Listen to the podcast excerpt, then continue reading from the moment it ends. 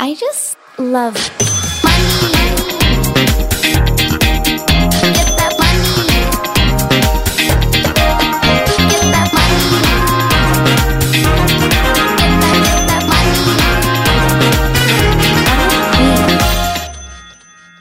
God mandag og velkommen tilbake til en ny episode av Karrierekvinner podcast. I dag så har jeg besøk av eh, kurs- og foredragsholder, økonomisk rådgiver og lånemegler hos Eiendomsfinans, Mai Evensen. Med gode tips, nyttige reels, så sprer hun masse verdi og god energi i sine sosiale medier, og i dag så er hun her for å snakke litt om det vi alle lurer på om dagen. Hva skjer med våre renter, lån og eiendomsinvesteringer nå, og hvordan skal vi styre økonomien vår gjennom den jungelen her? Så hei Mai, og velkommen til Karrierekvinner! Hei, Benedikte. Tusen takk for veldig fin intro. Så hyggelig å ha deg her! Det er veldig hyggelig å få være her. Jeg er jo eiendomsnerd eh, uten like. Og jeg syns jo det her med lån og økonomi er veldig spennende, i motsetning til de fleste andre. Så supergøy å få prate om det.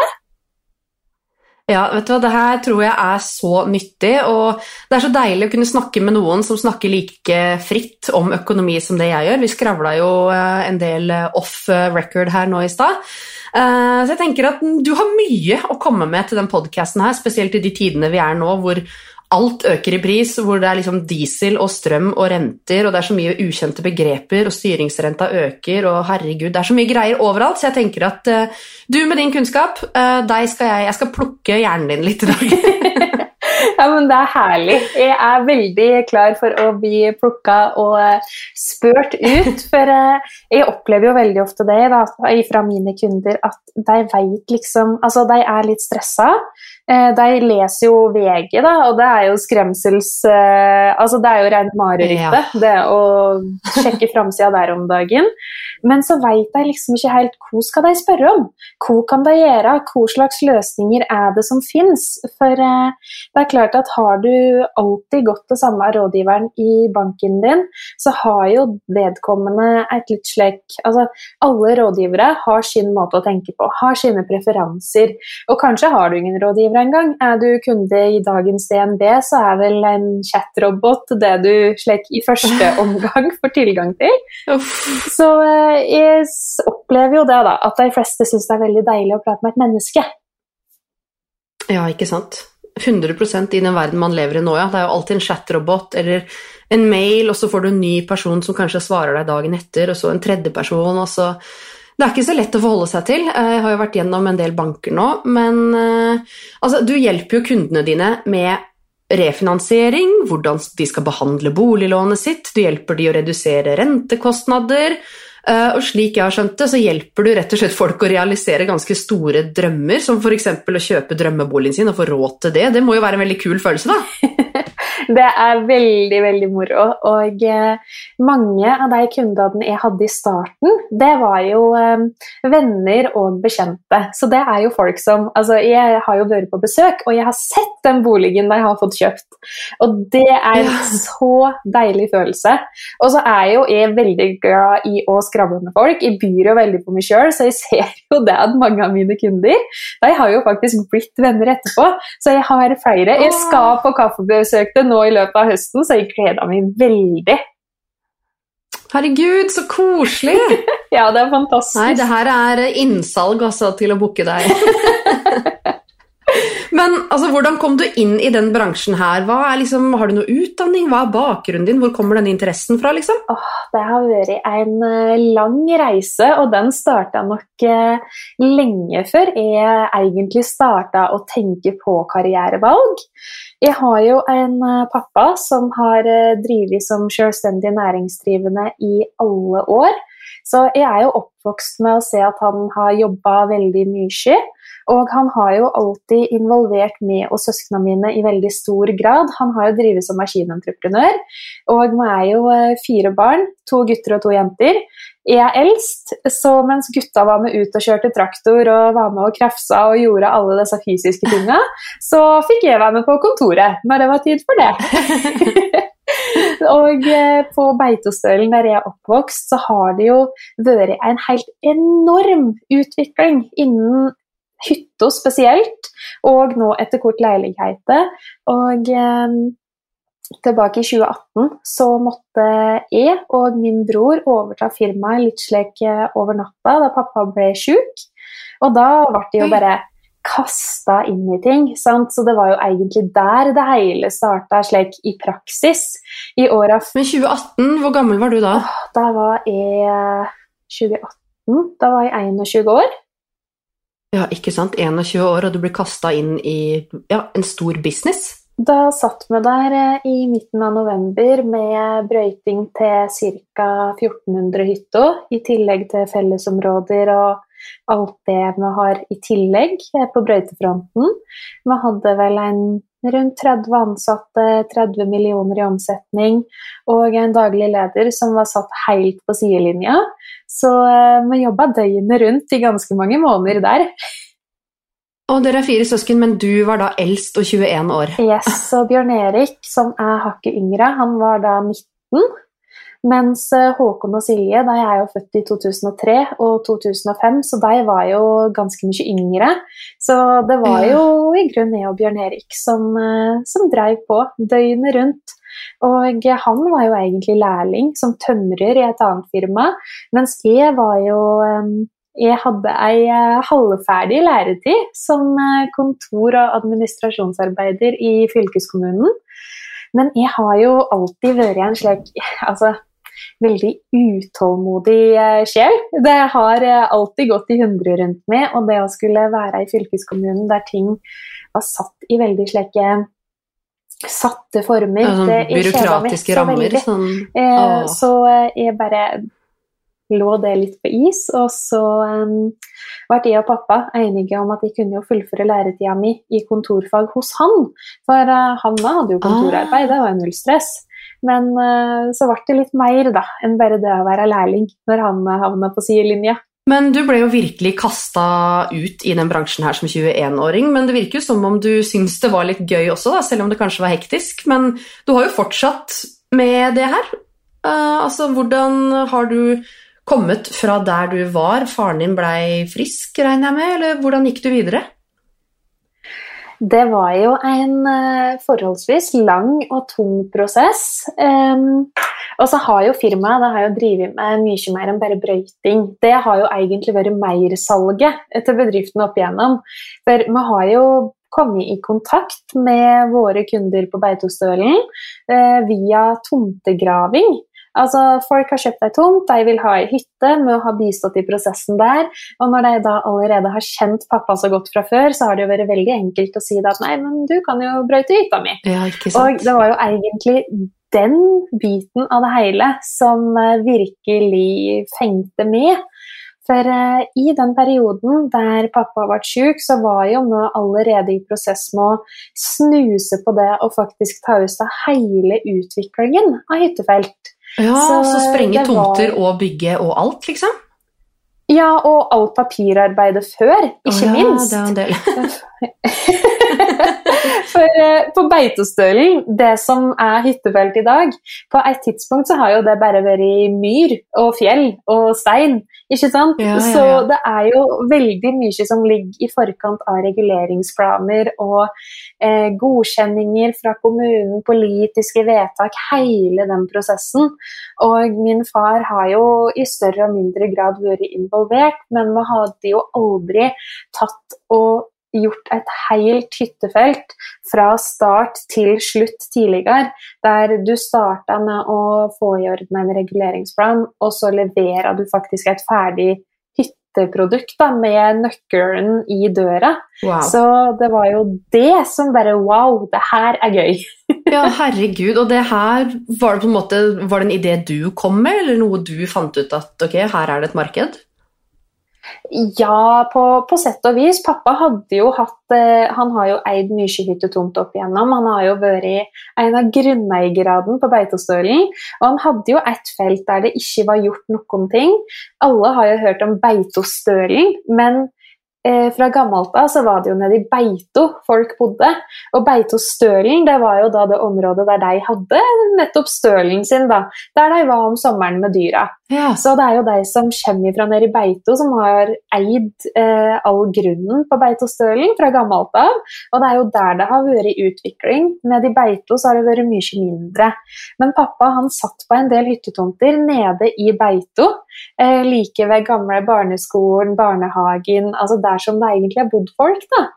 Og eh, for å kicke i gang det her, så trengs det jo ganske mye kapital hvis du skal bygge ei hel hytte. Mm. Og eh, jeg hadde jo ikke de pengene klare. Men jeg var jo i fast jobb, jeg hadde jo en helt ok inntekt, jeg eide ingenting. Og litt slik spontant så sa jeg det at eh, ja, men kanskje jeg bygger den hytta, da. ja, så du skulle liksom kjøpe den første hytta? Yes, Ja. det stemmer. Så da litt slik eh, Altså familiebedrift da, på sitt beste, så eh, eh, satt vi jo i gang, og da skulle jeg være hytteeier, og jeg skulle stå for lån, og jeg skulle gjøre alle de tingene her. Og så skulle jo firmaet skulle jo da bygge hytta, og det har jo vist seg å være altså, den klokeste avgjørelsen jeg har gjort personlig. Og det har jo vært veldig god butikk for firmaet med. For når eh, jeg starta å bygge hytte, så var det jo nesten ingenting nedi der. Det var liksom en tre-fire hytter som var fra 70-80-tallet. Og så var det ei hytte som var satt opp eh, en fem-seks år tidligere. Men etter at jeg bygde hytta mi, og vi kom i gang med de tinga, det var jo da det virkelig skjøt fart. Så de siste åra så har vi bygd fire hytter ved sida av, og vi har vel omsatt for fort en 20-25 millioner. Ja, Så det har vært veldig, veldig moro. Herregud, så gøy. Så nå er du medeier i dette selskapet, i tillegg da til å være selvstendig og jobbe for eiendomsfinans, er det riktig? Det stemmer. Fantastisk, men da har jo du veldig mange forskjellige steder hvor du får inntekter fra, fordi jeg har skjønt at eh, i tillegg til å jobbe med alt det her, så kjøper du litt eiendom privat, leier ut. Du leier jo faktisk ut den hytta nå. Altså, kan du ikke snakke litt om det her? Eh, jo, så absolutt. Det er klart at når jeg bygde den hytta, så eh, jeg hadde jo ingen slik eh, konkret tanke om utleie, men jeg sa jo det til banken at jo, jo, men jeg kan jo leie ut litt, og jeg kommer sikkert til å få inn slik 30 000-40 000 i året på det. Eh, og eh, Jo, jo, det var en fin tanke, sa banken. Eh, og det gikk jo altså, over all forventning. 30 000-40 000 hadde jo jeg hatt i leieinntekter i løpet av den første måneden Ikke som jeg leide ut den hytta. Eh, korona kom, og jeg ble jo superstressa for mine utleieinntekter. Men eh, når alle skulle være i Norge, så ble det jo mer enn jeg kunne drømt om. Så de siste åra har jo jeg leid ut hytta mi for et sted mellom 350 og 400 000 i året. Ja, Så det har vært sant. veldig god butikk.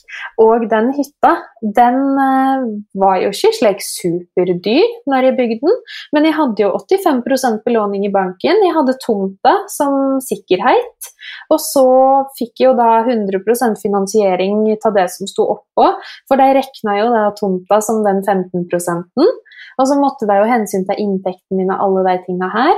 Men når vi starta å sette opp hytta ved sida av, så får du jo litt den saueflokkeffekten. At der det Mm. allerede er folk, dit vil det flere. Ja, ja, ja. Så den auka jo i verdi i rekordfart. Så den hytta, det var jo inngangsbilletten min til å videre kjøpe leilighet i Oslo. Jeg henta jo all sikkerhet til leiligheten i Oslo som realkausjon fra hytta jeg allerede hadde. Ikke sant. Herregud, fantastisk. Og det høres jo veldig Mm. utradisjonelt ut å liksom starte med en hytte. Det er på en måte noe man gjør etter at eh, alt annet er på plass. Men eh, herregud, det er jo så smart. Men nå har du jo da en eh, hytte som du leier ut, og du har en leilighet i Oslo. Det er der du bor, eller? Det var der jeg skulle bo. Jeg hadde planer om å flytte innover til Oslo for å bli student, så jeg kjøpte leiligheten min i februar i 2020. Og overtok leiligheten min den 12. mars i 2020. Så jeg sto jo der med mars, ja. forholdsvis mye i lån og nøkler i hånda til en eh, nydelig leilighet midt i Oslo. Og jeg var jo superhappy. Nå leika livet, alt er fantastisk. Jeg hadde bursdag dagen etterpå, den 13. mars. Skulle feire med masse venner som allerede bodde i byen. Og så går inn på VG og bare Der står Erna Solberg og sier 'Nå skal vi stenge landet'. Å, herregud, panikk. Hva gjorde Ja, du da? da sto jeg der med hjertebank, altså. Men altså, hva, du bor ikke der nå. Altså, hvordan, hva, hva skjedde? Altså, Veldig lang historiekort, så eh, sa jo Erna at alle skulle reise hjem dit de kom ifra. Så gjorde jo det. Eh, så påska og slik tilbrakte jo jeg på hytta, for det var jo der jeg egentlig bodde før jeg kjøpte leiligheten. Mm. Så eh, jeg var jo der i en måned, en og en halv, før jeg reiste innover til Oslo. Og sommeren i 2020 var jo veldig fin. Da var det jo, det var jo fantastisk vær, folk var jo ute, det var jo sommer, ting var livet lekte. Eh, Men jeg skulle jo starte som student på BI høsten i 2020, og det ble jo ingen fadderuke, det ble nettundervisning, man hadde en busstreik. Altså alt som kunne gå galt den høsten, gikk jo faktisk galt. Eh, Og jeg hadde jo da kjæreste som bodde i Brumunddal på tidspunktet. Og han, jeg var mye oppover til han, han var mye nedover til meg. Men det var jo ikke veldig fett å skulle være student i Oslo på den tida der. Så når eh, jula kom, så sa jeg det at eh, fuck det her. så da leide jeg ut leiligheten og flyttet opp igjen over hit. Ja, så du har Altså, hva var det du starta på på BI? Hva var planen? Jeg skulle gå eh, International Management, så Ja. det var jo mye slike businessfag, men da med den internasjonale vinklingen, da. Så veldig mye undervisning på engelsk, og det, det var jo superinteressant. Og jeg har jo en slags plan om at jeg på et eller annet tidspunkt skal eh, fullføre, men eh, det blir ikke nå. Det høres jo ikke ut som at det liksom er noe du trenger med en gang, i hvert fall, da, med tanke på alt du har opparbeida deg og alle inntektene du har. Og da, da lurer jeg jo litt på uh, Det høres ut som du har en veldig variert jobbhverdag. Hvordan ser en vanlig hverdag ut for deg, egentlig? Det varierer ekstremt mye fra uke til uke. Jeg er jo veldig heldig med lederen min i Eiendomsfinans, så eh, hun har en slik eh, approach at det er tillit mot ansvar. Mm. Så lenge jeg gjør jobben min og leverer det jeg skal, så får jeg all frihet i denne verden.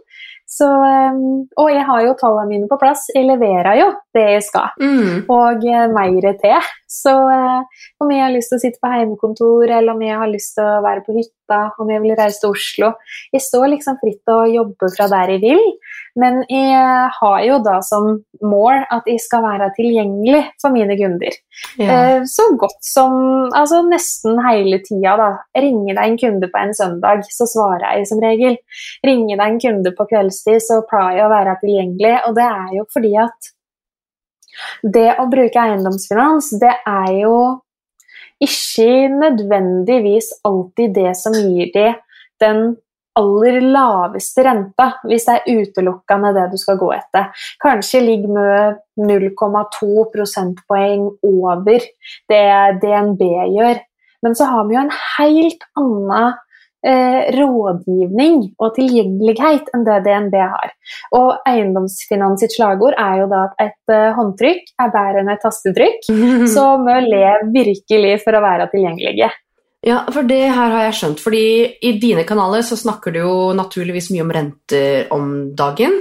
Eh, Og jeg har skjønt at du har en litt annen approach til eh, det her med liksom altså Sånn som jeg sier, da jeg sier ofte liksom vi må bytte strømselskap, bytte forsikringer, vi må forhandle på renta.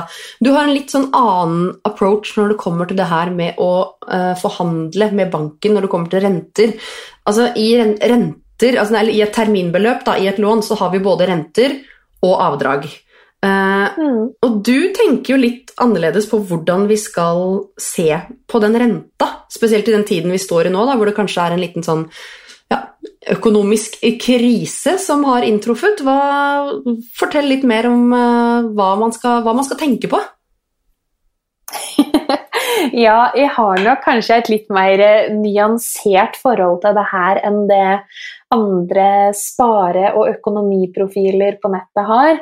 For du har jo, du har jo alle disse som prater om rente, og rente og rente. Eh, og å se på renta, det er superbra i de aller fleste tilfeller, men det er så viktig å ikke se seg blind på den renta.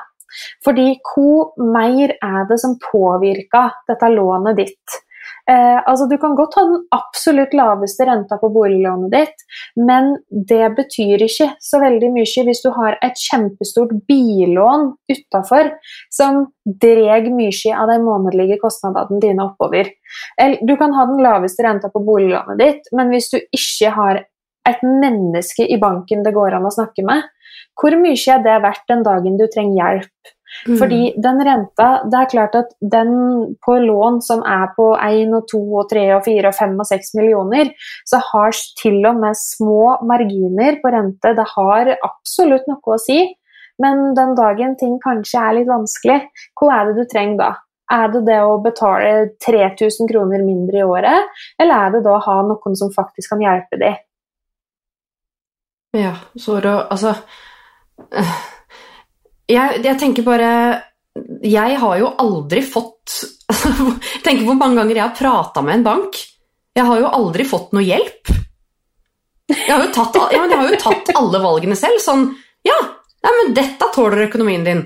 Vær så god, kjør på. Jeg bare sånn Ok, nå har jo jeg liksom Jeg har hus, jeg har ny bil, jeg har hytte, jeg har båt, men det er jo ingen som liksom har sagt til meg kanskje bak inn det her, eller gjør det sånn, eller betal så og så mye. Altså, det her er sånt som dere ja, hjelper folk med, har jeg skjønt. Jeg skjønte jo også at du hadde vært eh, i en case som kanskje veldig mange står i nå, hvor de bør ha en fast sum, kanskje, og betale hver eneste måned, men så er man samtidig opptatt av å ikke ha for mange år å betale ned over, eller at man skal betale ned så mye som mulig. Um, men akkurat nå så vil jeg jo kanskje påstå at man trenger trygghet først, eller? Mm. 100 enig. Eh, Den casen her den har jo jeg brukt som eksempel eh, på flere plattformer. Jeg prata jo bl.a. om det når jeg snappa på uperfekte piker her nå tidligere i måneden. For jeg syns det er et kroneksempel på et tilfelle der kunden faktisk ser seg blind på det her med rente. Mm. Eh, For tilfellet her, det var jo et par som hadde fått boliglån, det var vel tilbake i 2018. Eh, Og i mellomtida der, på de fire åra, så hadde de fått to barn. De hadde tatt opp et billån, de hadde selvfølgelig nedbetalt litt på lånet sitt, de hadde fått en eh, vekst, eh, prisvekst på boligen, men nå holdt det jo virkelig på å bikke over. Eh, Den jenta her hun tok kontakt på Instagram, og når hun skrev første melding til meg, så fortalte hun at hun hadde over 100 000 i ubetalte fakturaer på VIPS Oi. og nettbanken sin. Flere av dem hadde gått til namsmannen, så hun hadde fått eh, varsel om eh, betalingsanmerkninger og fremtidig lønnstrekk hvis hun ikke gjorde noe. Mm. Så hun ønska da å få en altså mer forutsigbar hverdag, så hun ville veldig gjerne refinansiere billån og boliglån og låne opp til en buffer. Og hun hadde vel Jeg er usikker på om hun hadde 30 eller 25 års løpetid på det opprinnelige lånet sitt, men hun hadde i alle fall nedbetalt det i ca. fire år. Og løsningen jeg fikk til denne kunden, det var et opplån på 220 000 til buffer. Det var refinansiering av ca. 100 000 i billån som skulle inn i boligen. Og det var nye 30 års løpetid med en rentegaranti. Forskjellen på en fastrente og en rentegaranti det er at du har garanti for at renta ikke blir høyere, men du har den friheten til å gå ut av avtalen akkurat når du vil, uten å måtte forholde deg til bruddgebyr og overkurs og underkurs, slik som en vanlig fastrenteavtale. Ja, fordi fastrenteavtale, er det det man kaller å binde renta? Ja, det stemmer. For man tenker jo ofte at det liksom det er enten så har du flytende rente, eller så binder du renta. Mm. Men det finnes altså et alternativ til? Ja, og det er det jo flere spesiallånsbanker som tilbyr det her med rentegaranti. Og en spesiallånsbank er jo gjerne de som tilbyr finansiering i caser der det enten har vært mislighold, altså at du har betalingsanmerkninger, eller at du har for lav FLI, altså likviditet, Mm. til at du sklir igjennom i en vanlig, ordinær bank. Ja, skjønner. Og det her er noe dere i Eiendomsfinans da tilbyr. Ja, altså Mø er jo ikke en bank. Eiendomsfinans er en lånemegler eh, som samarbeider med ca. 25 ulike banker. Så det er jo gjennom våre samarbeidsbanker at Mø fremforhandler tilbud til kunden, og da får til løsninger som kunden veldig gjerne ikke vet at er et alternativ på egen hånd. Og slik som den kunden her, da, eh, egentlig poenget med hele eksempelet er jo det at kunden betalte ca. Eh, 19 000 i måneden på bilen sin og på boligen sin Mm. i dag. Og de ville refinansiere bilen inn i boligen for å få ned beløpet der. I tillegg så ville de låne opp en buffer. Dette var med utgangspunkt i de tallene de betalte i oktober. Allerede nå i november så er jo renta høyere, og i desember vet vi at den vil bli enda høyere. Mm. Men med utgangspunkt i oktobertallene så fikk de samme terminbeløp eh, med den rentegarantien, garanti for at det ikke skulle bli dyrere.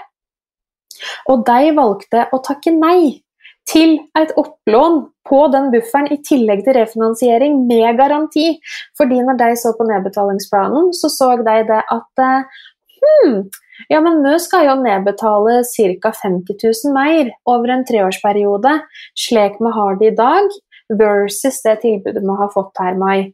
Og så Ja. sier de at jo, men selvfølgelig, det er jo ikke så rart, fordi du skal jo nedbetale bilen din, du. Ja. Eh, ca. 100 000 på ett og et halvt år nå. Det er jo et helt sinnssykt avdrag på den i måneden. Oh. Selvfølgelig skal du nedbetale mer i gjeld, men her kommer du til meg og så sier du det at du har så mye utestående nå. Du har så store kostnader på låna dine. Du er akkurat ferdig i pappapermisjon, så du kommer til å få en kid til i barnehage. Det blir en høyere utgift. mm. Du vet at strømmen blir dyrere, du vet at boliglånet ditt blir dyrere, du vet at maten den skal bli dyrere framover. Alt skal koste mer. Og så i stedet for å binde i alle fall eh, de låna her, da, som du vet at du kan binde uten Mm. noen ekstra kostnad, så velger du å takke nei til det fordi at du har en nedbetalingsplan der du ser at du skal nedbetale mer. Men det den kunden her ikke tenkte på, og som hun tydeligvis ikke klarte å forstå heller, selv om at vi prata med henne mange ganger om det, var jo det at den nedbetalingsplanen her, den er fast. Så det som kommer til å skje nå, er jo da at renta den skal legge seg oppå. Så det her kommer jo til å bli ekstremt mye dyrere i måneden enn det Mm. du har i dag. Og jeg forstår ikke hvordan den kunden tenker at den skal klare det, med mindre den skal få økonomisk hjelp da, av familie og kanskje venner. For når du allerede før den verste tida har starta, har så mye utestående, eh, og du ligger så langt bakpå, og så vet du da at ting skal bare bli enda dyrere framover, og så velger du å ikke hoppe opp i den livredningsbåten som jeg står klar og holder fram til deg, da, da klarer ikke jeg å forstå hva du tenker med, eller hvordan du tenker, liksom. For det, det bare For meg, da, så blir det så Altså, det er så risikosport. Ja, men det, er jo, det er jo akkurat det som du sa uh, off-pod i stad. Altså, vi stoler jo på at vi, altså hvis det er noe vi ikke kan selv, hvis vi ikke er økonomer eller eiendoms, eh, jobber i eiendomsfinans eller er lånemeglere altså Hvis vi ikke er elektrikere, så bytter vi ikke sikringsskapet. Hvis vi ikke er rørleggere, så legger vi ikke nye rør i huset. Sånn, hvorfor skal man ikke stole på folk som kan det her bedre enn deg? Den, den skjønner ikke jeg. Eh, Og bare det å høre nå at det fins et tredje alternativ, for jeg har jo alltid altså, Jeg innbiller meg da, at jeg alltid har liksom hørt det lønner seg ikke å vinne renta, for den kommer til å gå ned, og da har du tapt, og bla, bla, bla. Men at det fins et tredje alternativ, hvis man går liksom bare litt vekk fra den vanlige bankkontakten eller chatroboten, eller kall det hva du vil. Eh, Det syns jeg Mm. var litt interessant, men er det her liksom et tilbud som bare er for folk i krise, eller er det for folk som har litt forskjellige lån, eller er det Altså, hvem, hvem er denne løsningen for? Den kan være for alt og for alle. Og du kan ta slik som eh, Jeg kan komme med litt konkrete tall. For på det tidspunktet her, det er jo ca. 1 12 måned siden. Da. Så det er klart at nå har jo tallene forandra seg enda en gang. Men på det tidspunktet jeg jobba med den kunden her, så fikk de tilbud om 5,2% i nominell rente med rentegaranti. Da hadde de en garanti i tre år. Så det blir jo litt som å kjøpe seg en forsikring. Og 5,2 i nominell rente høres jo helt horribelt ut Mm. når vi er vant til koronarenter. Men til sammenligning så tilbød Sparebank1 4,75 i fastrente til noen som var under 60% belåning på boligen sin. Ja. Og banken regna jo ut ifra ulike rentetak her. Du har eierrente mellom 75 og 85 og så har du eierrente mellom 60 og 75% og så har du den beste renta under 60% belåning. Mm. Og belåning, det er jo eh, gjelda di, altså boliglånet ditt, deler på boligens verdi.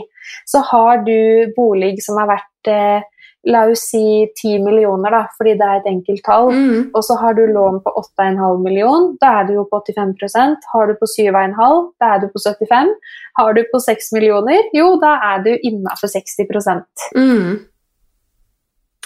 Og når du får ei så høy fastrente på 60% belåning, da syns de faktisk at 5,2 det er et knallgodt tilbud. Og Ja, I hvert fall hvis du kan gå ut av det altså hvis det blir bedre tider, da. Det var det du sa? Ja, det er akkurat det. Fordi de som bandt renta si i Sparebank1, de er jo egentlig låst til Sparebank1 i tre år fram i tid. Mm. og må forholde seg til underkurs og overkurs hvis de skal bryte ut av avtalen. Underkurs er jo at du får tilbake penger, mens overkurs er jo at du faktisk må betale ekstra til banken da, for at de skal tjene det samme på det som om du hadde hatt flytende rente.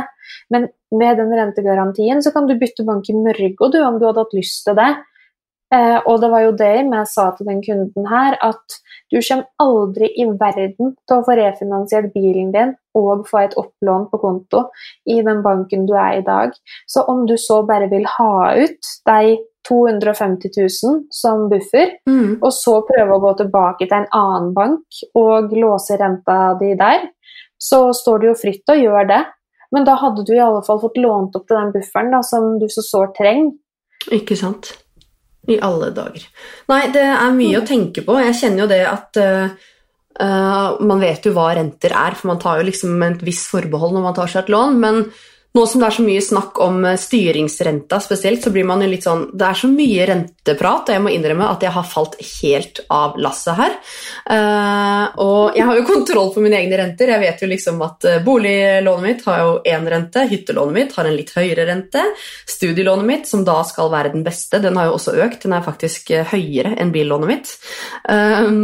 Men det er fordi Santander dreit seg ut, så de sa at alle som kjøper denne Mustangen, de får eh, 1,9 i rente de første tre åra, uansett. og så prøvde de jo, da. Det er jo en kjent sak at de prøvde å øke rentene uten å si ifra. De bare plutselig så trakk de mer penger. Um, Mm. Så da var det mange som bare Hei, hei! så det ble jo klaga inn til Forbrukertilsynet og masse greier. Så den har vi fått ned igjen på 1,9. Men sykt mye renteprat. altså Til de som sliter litt med å henge med. Um, hva er det man skal tenke på nå som alt øker i pris? Og hva er, altså, hva er egentlig styringsrente? Jeg har jo skjønt det I begynnelsen så var jeg sånn Å, herregud, de øker styringsrenta, og nå blir det enda dyrere. Men det er jo et formål med det for å få andre ting til å stoppe økonomien litt. Stoppe all denne shoppinga, rett og slett, og få andre priser til å gå litt ned. Er det ikke det som er poenget? Jo, det stemmer. Og vi ser jo da at styringsrenta den blir jo økt over hele verden nå. Mm. Eh, Jeg fikk jo opp en varsling i eh, Kron i dag. Det er jo den appen jeg tidligere har brukt for å investere i fond. Mm. Og der varsla de jo det at eh, i og med at USA hadde satt opp styringsrenta si, eh, så mye som de har gjort, så så de endelig det at eh, veksten i fond starta å snu. Så nå hadde de hatt en slik rekorddag der det hadde vært økning på mellom 4 og 7 Oi. i en rekke ulike fond bare på ett døgn. Så de ser jo da den effekten som de gjerne vil oppnå med styringsrente. Men slik som i Norge, så er det jo Norges Bank som styrer styringsrenta. Og under koronapandemien så hadde jo vi en styringsrente på null. Mm. Til sammenligning så har jo vi nå i dag en styringsrente på 2,5. Ja. Og det er jo grunnlaget som blir lagt for alle banker. Og så eh, sier jo det at du har bedre rente hvis du er innenfor 60% belåning enn hvis du er på 85 f.eks. Mm. Og det er jo da banken sin måte å ha et påslag på styringsrente basert på risiko. ja. Herregud. Eh, og, og når du da ser videre fra en vanlig ordinær bank, slik som Sparebank1, Nordea, DNB, og over på spesiallånsbanker som Bluestep, eh, Svea Kraftbank, så ser du jo det at de spesiallånsbankene de har jo høyere rente, fordi de tar jo inn risikokunder som Mm. ikke får lån i de vanlige bankene. Så alt det her med rente, det det baserer seg jo på veldig logisk tenkning, slik i bunn og grunn, men det kan være veldig veldig vanskelig å forholde seg til når vi ikke kan så mye om det, og så blir det ropt veldig høyt om den styringsrenta om dagen. Ja, for det høres jo bare ut som at regjeringa er slem som øker rentene. Det er jo det du leser i kommentarfeltet. Men så er det sånn, det er jo på en måte det at de prøver å stoppe alt annet og Mm. øke. Eh, Så jeg har også skjønt det nå, nå som fonda er eh, Altså, alle mine fond er jo superrøde. Eh, Men jeg har jo Mm. skjønt det nå, at det er jo nå det lønner seg å shoppe. Nå som de skal øke styringsrenta, og ting kanskje snur forhåpentligvis snart, da. Men mm. Nei, men hva skal man tenke på nå som alt øker i pris? Er det liksom å kontakte Jeg skjønner jo at du kanskje ikke anbefaler å kontakte en vanlig bank, men f.eks. du, da, hvor mye koster dine tjenester? Altså, eh, jeg anbefaler absolutt at du tar en prat med banken din hvis du har en rådgiver som du er fornøyd med. Jeg har jo vært kunde i Sparebank1 Hallingdal og Valdres i veldig mange år, og har jo en fantastisk rådgiver der. Ja, så de fins. ja, så absolutt. Og jeg skal ikke skjære alle over én kam, for det er supermange flinke rådgivere rundt omkring. Men mange av dem har nok kanskje et litt slikt snevert syn på hva slags løsninger som finnes. Og så er jo den største forskjellen mellom meg og en rådgiver ansatt i en bank, at jeg vet jo hvor så mange ulike kan tilby.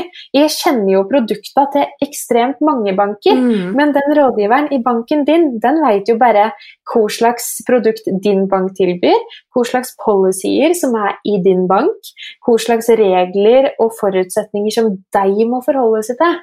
Og jeg ser jo veldig stor forskjell ifra bare Sparebank1 til DNB f.eks. Og det er jo veldig mye av grunnen til at det kan være sunt å snakke med en lånemegler. Fordi Møs har som regel et litt bredere syn da, på alt som finnes på markedet, hva slags produkt som kan tilbys. For slik som en rentegaranti, det er jo ikke noe som DNB eksempelvis kan tilby. Og da vil jo aldri rådgiveren der si at eh, hei, gå til den banken der, for de kan tilby det du egentlig trenger. For de vil ikke miste sine kunder. Nei, nei, nei. Herregud. Nei, jeg har jo tenkt litt på det. Så nå har jeg jo liksom Hva da? Siste året. Uh, vi har jo refinansiert for å pusse opp kjøkkenet. Eh, Mm. Vi refinansierte for å bake inn en del av båten inn i boliglånet. Vi kjøpte ny bil og noe hytte. Så ble jeg sånn Banken har liksom ikke stussa på noe som helst. Jeg syns nesten synes nesten det er litt rart at de liksom ikke spør mer eller tilbyr mer eller lurer på liksom ja, om, altså, jeg vet ikke. Er det, er det meninga at man må liksom oppsøke alt sånt selv? For å, du får ikke noe hjelp gratis, liksom? Altså, det du er inne på der, det er jo egentlig kanskje litt av kjernen til at vi nettopp har den høye styringsrenta nå, fordi vi har jo hatt veldig mange år med forbruksfest. Mm. Vi har eh, kjøpt eh, hus og biler og båter og Altså, vi, vi har handla så mye som egentlig faller innunder det vi kan kalle for luksus. Ja. Og eh, når du da har en bank som har lånt ut penger over en lav sko, så havner vi jo etter kort på kanten da, at hva kan håndtere når vi ser hvor mye renter plutselig øker. Eh, det fins jo mye slike fine kalkulatorer på eh, nettet her.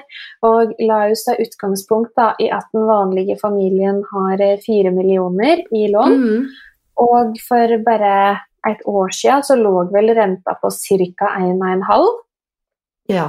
I dag er renta på rundt 4, inklusiv den siste renteøkningen som kom. Mm. Altså et boliglån eh, på 4 millioner. For et år siden hadde vi rente på 1,5, i dag har vi rente på 4. Det betyr en renteøkning på 100 000 i året. ja, ikke sant?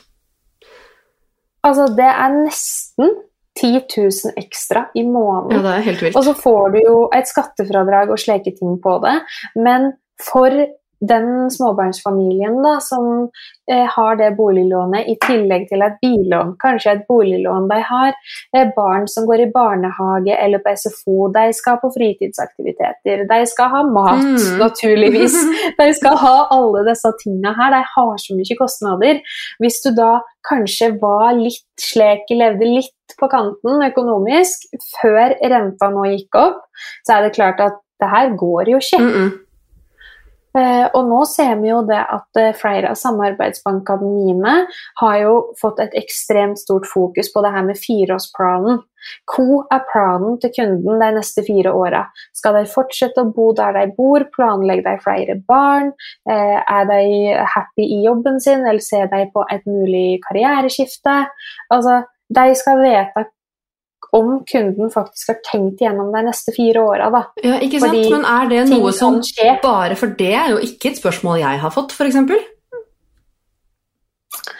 Det er jo Jeg holdt på å si, det her går jo litt på det med rådgiverskikk. Mhm. Og det fins vel, så vidt meg bekjent, så er det jo veldig diffuse begreper. Da, at du skal du skal ja, eh, ha etikk og moral og alle disse tingene her i rådgivningen din, men det står vel ikke skrevet i stein noen sted at du skal spørre hvor kunden skal de neste fire åra.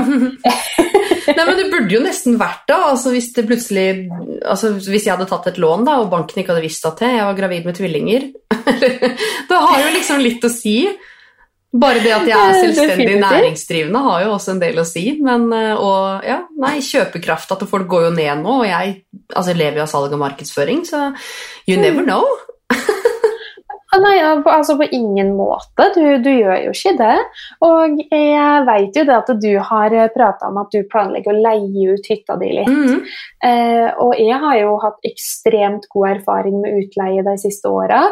Eh, og det er klart at nå som kjøpekraften går ned, eh, da har jo ikke folk råd til å skulle reise på hyttetur på ei leid hytte eh, fem ganger i løpet av et år, liksom. Mhm. Eh, Det, er, det går jo innunder det man kan kalle luksus, da. Slik egentlig. Det blir spennende å se på det her. Hvor Leier du ut gjennom Airbnb? Åh, jeg tror jeg er på alle plattformer nå. Ja. Jeg har eh, brukt Airbnb, jeg har brukt finn.no. Nå har jeg en god venninne som har hjulpet meg med å få hytta ut på booking.com. Jeg bruker en plattform som heter Days Off. Det er et slikt genialt konsept som eh, jeg helt tilfeldig fikk vite om. Eh, I store bedrifter har jo i veldig mange år hatt firmahytter, at de har eid sine egne firmahytter.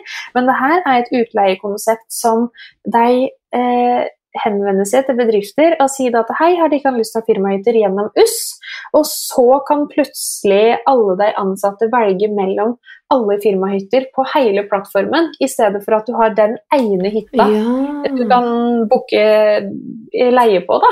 Eh, Så det, der har vi fått veldig mye bookinger den siste tida. For du har jo bedrifter som sier at eh, ja, nei, men du kan leie hvor slags hytte du vil på plattformen her, og vi betaler 80% av det det koster å leie, mm. eksempel. Og det er klart at uh, de som er så heldige at de er ansatt i bedrifter med slekefordeler, de kan jo fortsette å leie hytte. Ja, ja, ja. Uh, Fordi de får jo så mye respons Ja. av, uh, jobben sin, at det går jo fint. Det høres ut som trygge leietakere òg, for det er også noe jeg har tenkt på. Sånn Airbnb, plutselig så er det en sånn guttegjeng på 18 som raserer alt, liksom. Men det er jo forsikringer og alt inni der, men jeg bare kjenner at det er litt sånn Er jeg klar for dette? Jeg har vært skikkelig tante Sofie på mine leietakere og bare Hvor mange er de kan? Hvor gamle er de kan? Hvor er planen deres her? Hvor skal de kan gjøre på hytta? Å, herregud, ja, men det er sikkert lurt. Herregud.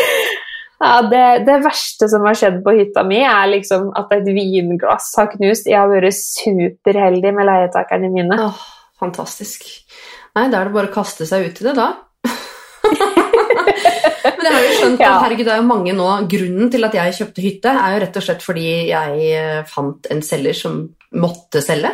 Eh, Satt med det, og det var jo eiendom nummer tre, da. Og ja, det er jo Ja. strømregninger og renteøkninger og alt, så jeg fikk den jo 300 og 350 000 under takst eller noe. Så tenker jeg jo også Ja. at de som selger hytter nå, jeg håper jo litt da at de elsker hyttelivet og kommer til å hoppe inn i leiemarkedet, så får vi bare se hvordan økonomien blir, om de faktisk kommer. Men eh, nei, spennende. Men eh, litt tilbake til det, altså hvor mye koster dine tjenester? For det høres jo, jeg lurer litt på sånn, hvordan tjener du penger, liksom? Herre min hatt, jeg prata meg helt bort. Nei, men jeg liker det. Jeg får svar på mye sånn diffuse ting som jeg har lurt på typ halve livet. Ja, det er veldig, veldig bra. Mine tjenester de er i all hovedsak gratis. Altså Kommer du til meg som kunde og sier at hei, Mai, jeg har det og det og det lånet, jeg vil få fiksa de og de og de tinga, så er det tjenester vi tilbyr gratis gjennom eiendomsfinans. Og her er eh, businessmodellen bygd opp på en slik måte at vi er agenter for våre samarbeidsbanker, så vi får eh, provisjon av salgene våre fra banken. Og det blir aldri dyrere for kunden. Eh, altså, grunnen til at jeg kan gjøre det på den måten, er jo da at jeg sparer å ha egne ansatte. Og tenk på hvor enormt mye de sparer Mm. i eh, ansattkostnader. Eh, sammenlignet med å kunne leie inn UST. Det er litt som Donna har delt masse om eh, den siste tida. Hvor mye det kosta å ha en ansatt å ta de av sosiale medier, sammenlignet med å leie inn byrået hennes. Ja, ja, ja. Tenk på hvor mye det kosta å ha ansatt en rådgiver som må sitte og behandle alt av saker, sammenlignet med at Mø sender de kundene som vi vet at passer inn i banken. Mm. For det med er jo en veldig målretta businessform. med å kjenne bankene så godt at vi vet at eh, den banken den vil ha den type kunder. Ja, da er det den type kunder den får av oss. ja. Og så vet vi at andre banker vil ha den type kunder. Mm. Så dere jobber for kickback, da? Yes, Ja. eh, absolutt. Og kunden skal aldri få dårligere vilkår ved å komme gjennom eiendomsfinans enn om kunden hadde kommet direkte til banken sjøl. Nei, ikke sant. Men altså, hvordan blir man kunde av eiendomsfinans? Altså, er dere bare et sånt mellomsteg som man bare kontakter dere, og så blir man kunde i banken, eller er man liksom kunde av eiendomsfinans? Du er kunde av banken, men om eh, eksempelvis du, da, Benedikte, hadde kommet til meg og sagt at Mai, kan du hjelpe meg med A, B og C, så blir jo du min kunde. I vårt system så ligger jo du i min kundeportefølje, og skulle du da komme tilbake om noen år og sende en søknad gjennom den nettsida der eh, leads går til fordeling, så vil jo du havne tilbake hos meg, eh, så sant de fortsatt jobber i selskapet. Og det er jo mye av fordelen her, at du vil alltid ha din rådgiver. Du kan alltid ta kontakt direkte med din rådgiver. Det er ikke som i de større bankene som har store callsenter, Mm. at du aldri får snakke med den samme personen. Jeg opplever at det uansett Altså, vi er jo, I gamle dager så fikk man liksom gullklokka for 50 års tro og tjeneste i samme bedrift. Og nå er det bare sånn Det mennesket jeg snakka med i banken min for tre år siden, det jobber jo ikke der lenger. Samme med fastlege. Jeg har jo hatt tre fastleger på fem måneder. Folk bare forsvinner som fluer. Så jeg er bare sånn der, jeg, Hvis jeg ser det samme navnet to ganger, så blir jeg sånn Wow, du, du må ha en hyggelig, hyggelig sjef. Det er veldig hyggelig at man har et sånt system på det, at man i hvert fall blir guida til riktig person. eh, Eller samme person, da, hvis man eh, kommer tilbake igjen og den personen fortsatt er i jobb. Eh, Det ja, har jo litt å si. Altså, I eiendomsfinans har vi ingen klokkeordning, så vidt vi er bekjent, men vi har jo en uh, veldig fleksibel arbeidshverdag som Jeg ser jo det at uh, i og med at vi som rådgivere jobber på provisjon, så i løpet av det første året som ansatt, så får jo arbeidsgiver veldig fort kartlagt om er det her en person som er egnet for jobben. Mm. Trives deg med jobben, takler deg den hverdagen her? Og gjør deg ikke det, så detter jeg jo automatisk av, da. Ja. For jeg har jo kollegaer som Altså, du har deg som tjener det samme som eh, Ja, hvordan skal jeg bruke som eksempel? La oss ta en, en flyvertinne. Mm. Og du har deg som tjener det samme som en fastlege, liksom. Du har hele spekteret, da, og alt kommer jo an på hvor god er du til å rådgi, hvor god er du til å holde fast på kundene dine, hvor gode løsninger klarer du å eh, Mm. få til? Hvor fornøyde kunder har du? Ehm, men som sagt, i hovedsak så er jo våre tjenester gratis. Det er alltid gratis gjennom eiendomsfinans. Men så har jo jeg, eh, etter at vi starta å dele mye på Instagram, fått mye henvendelser om eh, jeg kan bistå med budsjettering, om jeg kan være med å vurdere eh, ulike strategier innen utleie, i og med at de har så mye erfaring innen mm. den biten. Og det er jo da én-til-én som jeg har tilbud gjennom foretaket mitt. For det faller jo utafor det som er eiendomsfinans i tjenestespekter. ja, så det blir Eh, ikke konkurrerende virksomhet.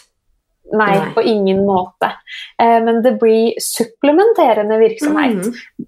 Eh, For det er jo ofte tilleggstjenester som kunden veldig gjerne vil ha. Og når de da allerede har det gode, tillitsfulle forholdet til meg, og jeg kjenner eh, saken til kunden så godt fra før Jeg vet hvor kona og mannen har i årsinntekt, jeg vet hvor mange barn de har, jeg vet biler, jeg vet hvor mye boliglånet koster, jeg kan alle de tingene her. Så er det jo meg veldig tidsbesparende å bruke meg som rådgiver eh, for å se på f.eks. dette med budsjett. da. Bruke en time på å sette opp og virkelig strukturere økonomien. Eh, I stedet for at jeg skal gå til en tredjepart, da, som, da må jeg jo bruke den første timen bare på å gå gjennom alt. Mm, ja, ikke sant. Så da kan man booke deg både kurs og foredrag, men også én-til-én. Hva er prisen på det, Mm. og liksom hvor lang tid tar det? Det spørs jo hva man skal. Det kommer jo Ja, definitivt. Det spørs jo absolutt hvor du skal ha hjelp til. Men jeg har eh, jeg driver nå i disse dager og setter opp litt slike pakkepriser. For nå har jeg jo jobba ganske mye med kunder eh, innen dette med budsjett, og ser jo da at man bruker jo liksom fort ja, det, For at man skal få skikkelig flyten i det, så trenger man nok fort tre timer Mm. over en periode. Slik at uh, under den første timen så setter vi jo faktisk opp altså hvordan skal du gjøre det her? Og så tar vi en oppfølgingstime og ser på hvordan skal du justere. Og så tar vi enda en time og ser liksom funka det her. Det høres jo litt ut som en sånn uke med Luksusfellen. Her har du tavla, hvordan gikk det? Altså, det er jo litt samme greia, da, men jeg, jeg prøver å ikke være like streng som det Hallgeir Kvadsheim er. Altså, jeg applauderer det her, for hvor mange har ikke tenkt å, jeg har så lyst til å melde meg på Luksusfellen, hadde det bare ikke vært på TV? så da kan du gå til Mai Evensen. Yes, det er helt riktig. Fantastisk. Nei, men jeg har jo eh, For det første, jeg, jeg kommer til å booke deg fordi For det første, jeg, har, jeg er veldig interessert i det du driver med, og spesielt det her med hytte. Men kan du ikke ta en sånn liten sånn live-coaching eh, og gi meg noen tips på slutten her, sånn at vi får se hvordan du jobber? Det er jeg litt interessert i.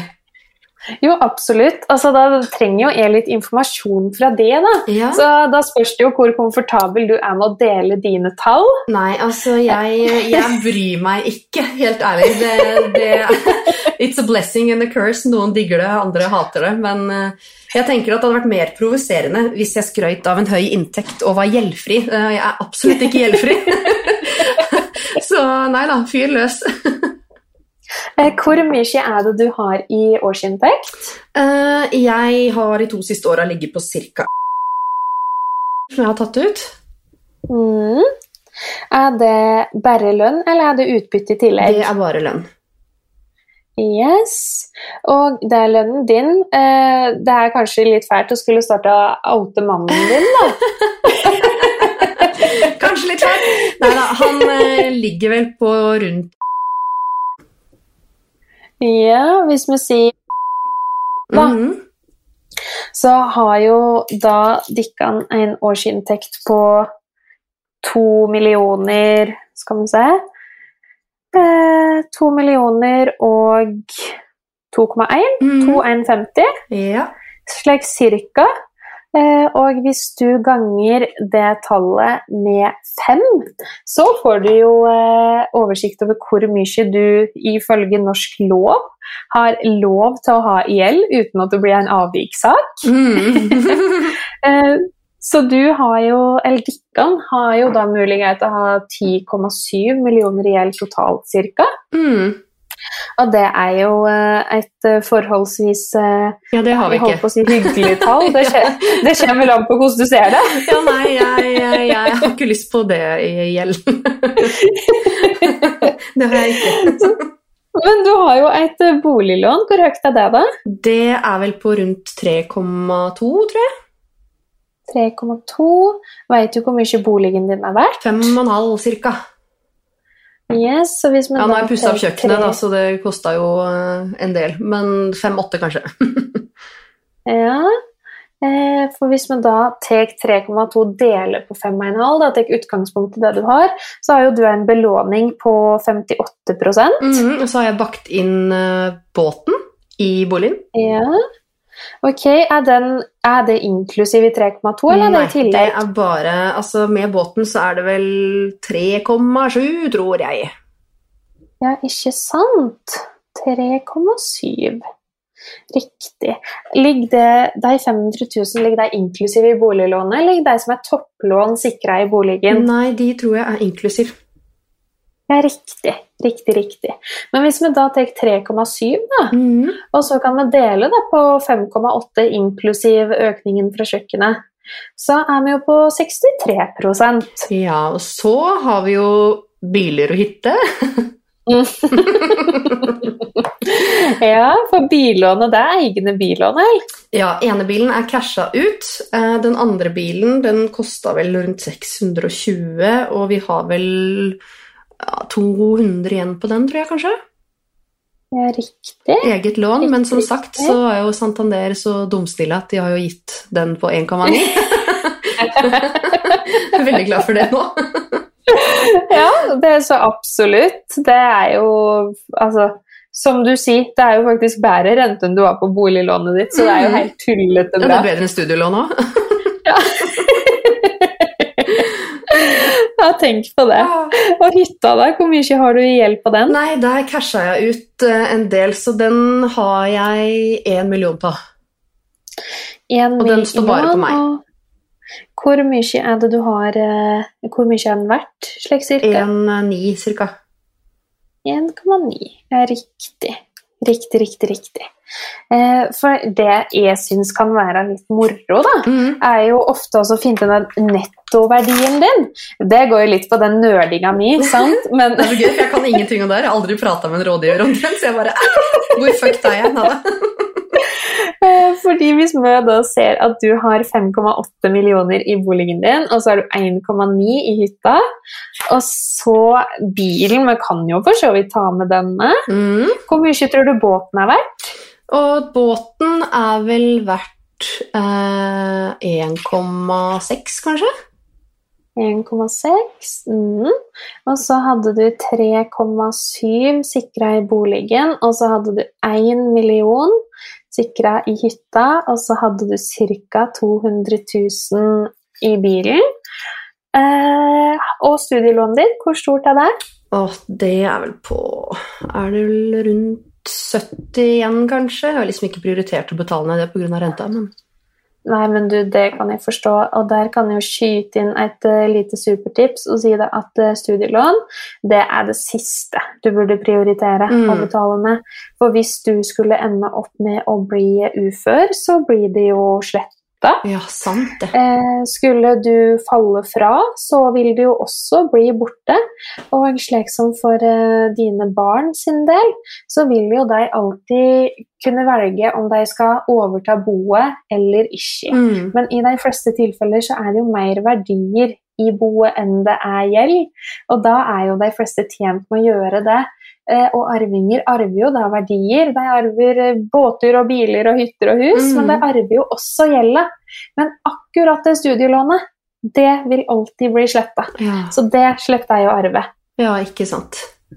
Nei, men da Eh, Så jeg veit jo det at før, eh, kanskje litt før den tida vi er inne i nå, så var det jo flere som eh, anbefalte det, at du skulle eh, sette studielånet ditt på pause, for du har vel 36 måneder du kan velge å utsette Ja, jeg har satt det litt på pause når jeg har vært litt sånn in between jobs og hatt litt dårlig inntekt og sånn. Da har jeg satt det litt på pause. Men eh, Ja, ja.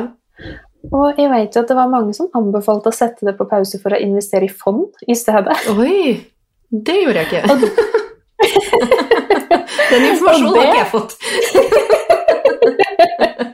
Ja, det er jo litt eh, det er jo litt slik risikosport, da, men samtidig det er litt moro. Ja, jeg har gjort mye risikosport som har vært moro, jeg, så jeg har hatt flaks i andre ting, heldigvis. Ja, ikke sant. Men slik som nettoverdien din, da, der ser vi jo det at du har 4 970 000 i gjeld, Mm. og så har du eh, 9 920 000 i verdier. Eh, med da et lite forbehold da, om at de tallene man prater om her er riktig. Mm. Men da har jo du en nettoverdi på 4 950 000. Ja. Og hva sier lånemegleren om det? Altså, jeg synes jo personlig så synes jo jeg at det er veldig bra. Og med tanke på gjeldsgrad, da, så har jo du mulighet til å låne 10 750 000. Mm. Eh, med tanke på inntekt og disse tinga her. Og du har jo da 4 970 000 i gjeld. Så du kan jo faktisk låne nesten 5,8 millioner til, om du skulle ønske det. Ja, nei, det skal jeg ikke gjøre nå. nå håper jeg du blir fornøyd, men nå skal jeg bruke, skal jeg bruke pengene på å betale ned. altså, det er musikk i mine ører. Nei, jeg har en avtale med samboeren min nå. Jeg bare sånn, nå har vi liksom ja, alt man egentlig kan ønske seg i en alder av liksom Mhm. 31, så nå er det bare å bli gjeldfri. Det er liksom Ja. Ja, det er ekstremt fornuftig. Ja det, men eh, det var kanskje ikke så Jeg tenkte å cashe ut bilen og bolig, studielånet først, fordi det er det liksom de minste låna, men nå ser jeg jo på det med dine øyne, så er jeg sånn Det er jo dumt, det er beste renta. Altså, studielånet, det burde du bare la stå. Og i og med at du har så himla god rente på det billånet ditt, Mm. så ville jeg jo egentlig utsatt å betale mer enn det jeg må på det. Jeg hadde heller satt ting på hytta hvis det var der du sa at du hadde den høyeste renta. Mm. Men det er klart at når den eh, fastrenta, den rentegarantien du har fått hos Santander, Ja, når den er over det er om to år. ja, da burde jo du eh, prioritere å nedbetale den bilen da. Mm. Men eh, fram til det så har du jo du har jo så god rente du på det billånet at det er jo bare Ja, tullete å bruke penger på det. Det er skikkelig tullete, faktisk. Men nå satte vi jo opp det at bilen skal jo være casha ut innen den renta, altså før den øker.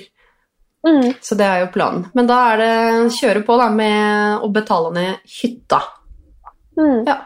Ja, jeg vil jo anbefale det, i og med at det er der du har den høyeste renta. Mm. Og så er det klart at den hytta, den eh, kan du jo bruke til så mangt og så mye økonomisk sett seinere. Du kan få utleieinntekter fra den, du kan stille sikkerhet inn den dagen barna dine skal ut på boligmarkedet. Mm. Du kan eh, pusse opp og øke verdi, og du kan, altså du, det er uendelig med muligheter. Og du ser jo det at ei eh, hytte med lav belåning, det var jo det som ga meg muligheten til å kjøpe leilighet i Bjørvika Ja, når jeg var 23 år, liksom. Ah, det er helt rått.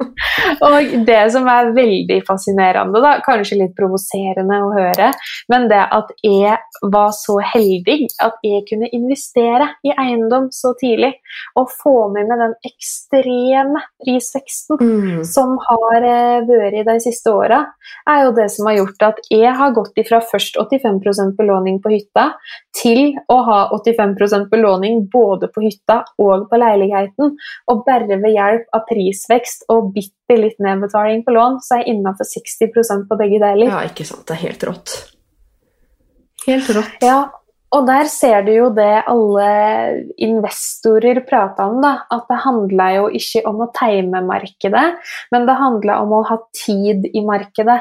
Og jeg har jo vært superheldig de to-tre siste åra, fra typ 2019 da, og fram til nå, der boligmarkedet bare har skytt fart. Mm. Og så ser vi jo da at nå kommer jo den dippen. Jeg forutså ikke den for et halvt år siden. Men det er klart at når jeg ikke har planer om å selge verken i år eller til neste år eller, altså, Jeg ser jo på den leiligheten som personen min. Mm. Jeg skal jo ha den de neste 40 åra. Ja, ja, ja.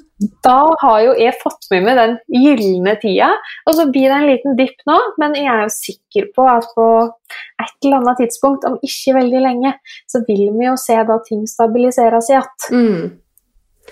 Ja, nei, det blir eh, spennende. Det kan jo ikke fortsette sånn. Jeg husker mamma fortalte liksom, når hun kjøpte bolig, så var renta på 16% Jeg var å, fytti rakkeren. Men vi sitter her med en graf foran meg som ser på styringsrente. Og vi, kan jo, vi trenger jo faktisk ikke gå lenger tilbake enn til eh, Skal vi se, det her var i 2008, da, men da hadde vi jo styringsrente på 5,75. Ja, var det ikke da det var liksom 20, 2007-2008 at det var eh, krisa?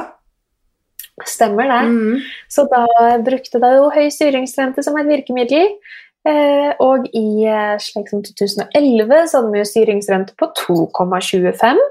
I 2020, rett før eh, Unnskyld, i 2019, desember 2019, rett før korona kom, så var styringsrenta på 1,5.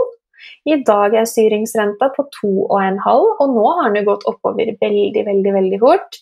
Men jeg vil jo tro det at nå som vi ser effekten av både styringsrente, strømpriser, dieselpriser, matpriser, så vil det roe seg veldig fort. Markedet vil kjølne, og da vil jo styringsrenta gå ned igjen.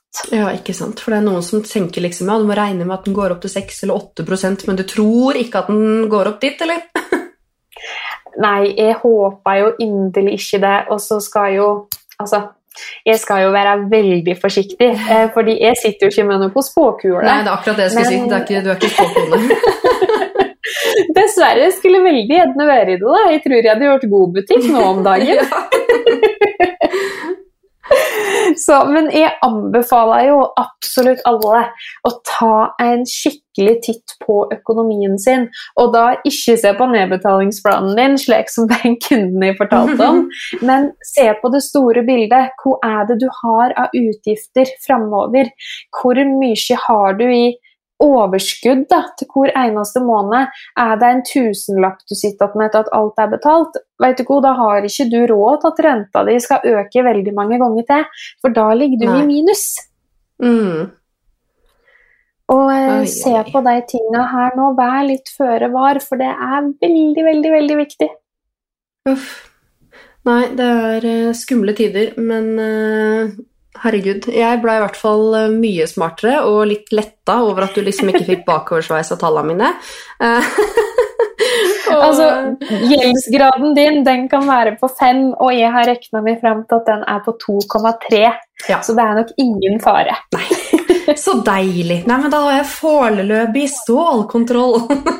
Så får den renta bare bli der den er akkurat nå. Mm. Og så får vi alle andre slutte å kjøpe dyre ting. Slutt med hytter, slutt med båter, slutt med dyre biler, så styringsrenta kan gå ned for alle oss andre. Note to self. Ferdig. Yes, indeed. Nei, men du, Tusen takk for at du kom til Karrierekvinner. Hvor er det folk kan finne deg hen? På Instagram, eller? De kan finne meg som Mai Evensen på alle plattformer. Jeg er på Instagram, og jeg deler litt på Facebook. Og så eh, driver jeg og snuser litt på TikTok, da, og vi kanskje skal dit etter hvert. Og så har jeg faste dager som jeg snapper på uperfekte piker, så der er jeg jo inne og skravler litt. Mm. Og så har du jo nettsida mi, da. maievensen.no. Spennende. Nei, men Supert. Da er det bare for folk å hoppe inn der og booke deg én til én. Jeg skal eh, sette opp en time asap. Få litt kontroll på denne hytteutleia og alt annet. Og i mellomtiden så kan dere følge Benedicte Haugård.no på alle kanaler og Equal Agency. Og så snakkes vi allerede neste uke. Ha det bra! Ha det! I just love money.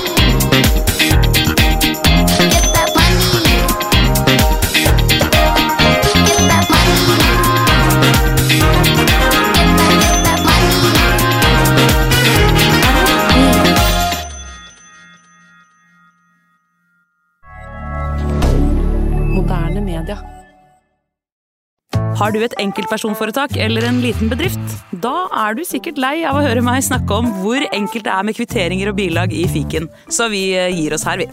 Fordi vi liker enkelt. Fiken superenkelt regnskap.